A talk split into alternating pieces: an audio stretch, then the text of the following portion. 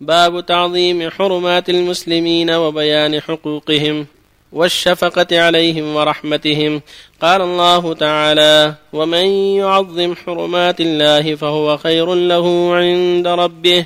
وقال تعالى ومن يعظم شعائر الله فإنها من تقوى القلوب.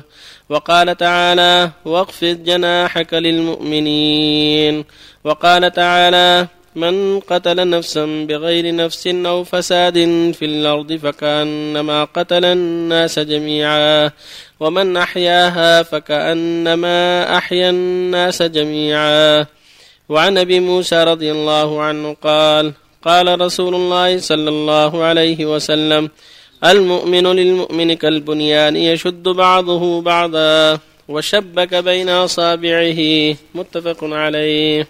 وعن أبي موسى رضي الله عنه قال قال رسول الله صلى الله عليه وسلم من مر في شيء من مساجدنا أو أسواقنا ومعه نبل فليمسك أو ليقبض على نصالها بكفه أن يصيب أحدا من المسلمين منها بشيء. متفق عليه. وعن النعمان بن بشير رضي الله عنهما قال قال رسول الله صلى الله عليه وسلم مثل المؤمنين في توادهم وتراحمهم وتعاطفهم. مثل الجسد إذا اشتكى منه عضو تداعى له سائر الجسد بالسهر والحمى. متفق عليه. بسم الله الرحمن الرحيم. الحمد لله وصلى الله وسلم على رسول الله وعلى آله وأصحابه ومن اهتدى به. أما بعد هذه الآيات والأحاديث كلها تعلق بيان حرمة المسلمين ووجوب الكف عن أذاهم والعناية بهم ورحمتهم والإحسان إليهم. قال جل وعلا ومن يعظم حرمات الله فهو خير له عند ربه ومن يعظم شاعر الله فإنها من تقوى القلوب. قال تعالى واخفض جناحك للمؤمنين قال جل وعلا والمؤمنون والمؤمنات بعضهم أولياء بعض. قال سبحانه وتعاونوا على البر والتقوى ولا تعاونوا على الإثم والعدوان إلى غير ذلك مما يدل على وجوب حرمة المسلمين والحذر من أذاهم وظلمهم. قال تعالى والذين يؤمنون والمؤمنات بغير ما اكتسبوا فقد احتملوا بهتانا وإثما مبينا.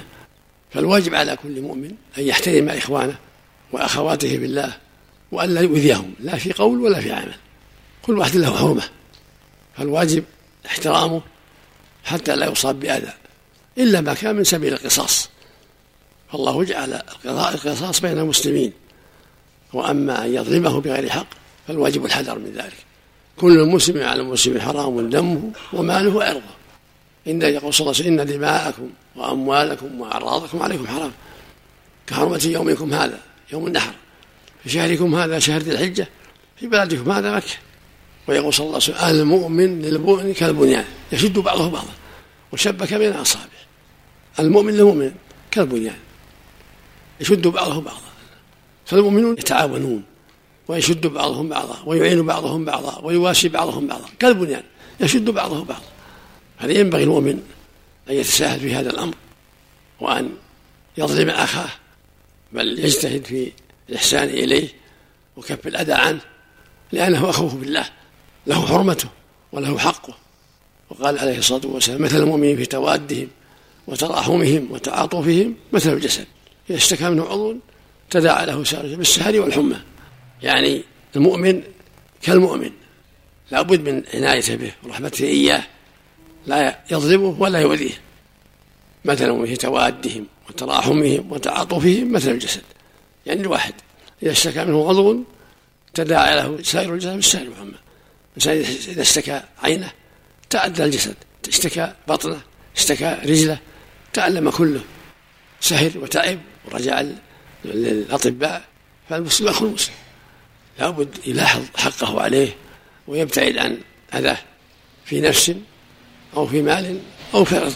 إيه. كذلك حديث يقول صلى الله عليه وسلم من مر في مساجدنا أو في أسواقنا بنبل فليأخذ بنصالها. يمسك حتى لا يصيب أحد من أحد من المسلمين بشيء من الأذى.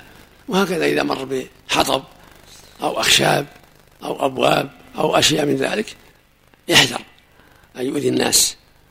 لأن قد إذا مر بالخشب يؤذي أحد أو بالأبواب أو بالحطب أو بالحشيش أو ما أشبه ذلك يتحرى ألا يؤذي من حوله من الناس.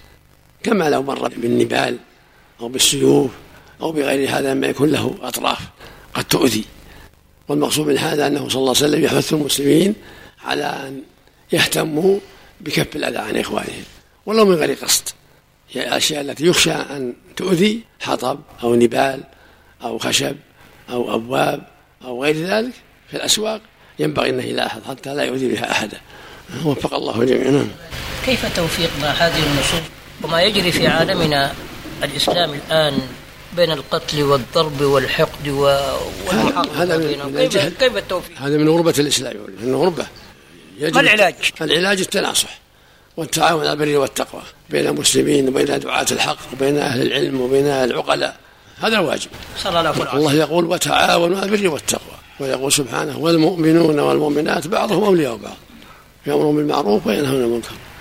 ويقول سبحانه والعصر إن الإنسان لفي خسر. إلا الذين آمنوا وعملوا الصالحات وتواصوا بالحق وتواصوا. كانت الأوس والخزرج بينهم الدماء العظيمة والوحشة والقتال. فلما هداهم الله للإسلام وتعاون البر والتقوى زال ذلك بسبب ما أعطاهم الله من الإيمان والهدى والتقوى. نعم وهكذا بين العرب. القبائل يغزو بعضها بعضا ويقتل بعضها بعضا فلما هداهم الله للإسلام وعرفوا تحريم ذلك خف بعضهم عن بعض. فلا علاج لهذا إلا بالدين. فإذا فقدوا الدين جاءت الكوارث وجاء البلاء. نسأل الله السلامة. الشراب الشفاف يمسح عليه بعض أجزاء شفاف مو إذا كان يبين اللحم لا إلا كان خروق يسيرة يعفى عنها. بعض أجزاء شفاف. أما إذا كان شفاف لا لا يمسح عليه. لابد من جورب ساتر أو من دس أو خف ساتر. هذا المقصود. شيء من الشيء اليسير يعفى عنه الشيء اليسير يعفى عند جمع من أهل العلم. الخروق اليسيرة طلق امرأته وأتت له أتت بأبناء من زوج غيره. وأحد الأبناء هؤلاء بنت. يقول هل يجوز لي الآن أتزوج بنت زوجتي السابقة؟ ما دام قد دخل بها في محرم الله ما دام قد دخل بها في محرم الله من هو المحرم أحسن؟ محرم لزوجها زوجها السابق. إذا جاءت من الزوج الجديد هم محارم للزوج السابق. إذا كان قد دخل بها قد وطئها يعني. وهي تغطي عن الزوجة المطلقة. المطلقة لا. المعنى إذا كان طلاق باين أو رجع وخرج من العدة صارت أجنبية. والله يقول وربائبكم اللاتي في حجوركم من نسائكم اللاتي دخلتم بهن. فإن لم تكونوا دخلتم بهن فلا جناح والدخول الوطي يعني أسأل لا تقف الآية عند الربيبة الموجودة. لا لا مو بلزوم الأولاد اللي قبله واللي بعده كلهم محارم إذا كانوا بنات. الله يحسن في حجوركم هذا وصف أغلب وهو بالعزم ولهذا قال بعده فإن لم تكونوا دخلتم بهن فلا جناح عليه ولم يقل فإن لم يكن في حجوركم فلا جناح عليه قال فإن لم تكونوا دخلتم بهن فلا جناح عليكم. ما الحجور مو وصف أغلبي مو بلازم وقال النبي لأم سلمة لا تعرضنا لأم حبيبة لا تعرضنا عن بناتكن ولا أخواتكن. لأم سلمة السلام عليكم. هذا حديث يسأل الطالب عن صحته. أن جبريل عليه السلام يقول لرسول الله صلى الله عليه وسلم ما كرهت أحدا كره لفرعون؟ ولو تراني يا رسول الله وأنا آخذ الماء وأرمي في فمه حتى لا يشهد الشهادة فيرحمه الله. ما ما أعرف هذا. جزاكم الله خير ويقول السائل ما هو آخر وقت طواف الإفاضة؟ ما له حد. الصحيح ما له حد. لكن البدار في أيام النحر أفضل. ولا لو ما طاف إلا بعد في آخر الشهر أو في محرم أو في سفر أجزاء لكن يبادر في أيام منى أفضل. جزاكم الله خيرا. وهذا سؤال آخر يقول يرى غير واحد من العلماء أن الاعتمار في شهر رجب بدعة. ما رأي سماحة؟ لا غلط لا بأس بها كان السلف يفعلون كما ذكر ابن رجب. كان عمر وايد يعتمر في رجب. صح من حديث ابن عمر النبي اعتمر في رجب. وكذلك أحسن الله إليكم آه، عمرة في أيام الحج أو شهر الحج. العمرة في ذي القعدة عمرة فضيلة اعتمرها النبي صلى الله عليه وسلم. وفي رمضان كذلك تعديل حجة. نعم. جزاكم الله في كل وقت العمرة في كل وقت. يقول النبي صلى الله عليه وسلم العمرة والعمرة كفارة لما بينهما والحج المبرور ليس له جزاء إلا جنة جميع السنة كلها محل عمرة. أحسن الله إليك. سائلة تقول خطبها شخص من من يرضى دينه فأبى أبوها أن يزوجها. ماذا تفعل؟ وأبوها ليس ملتزم. تراجع محكمة عند محكمة.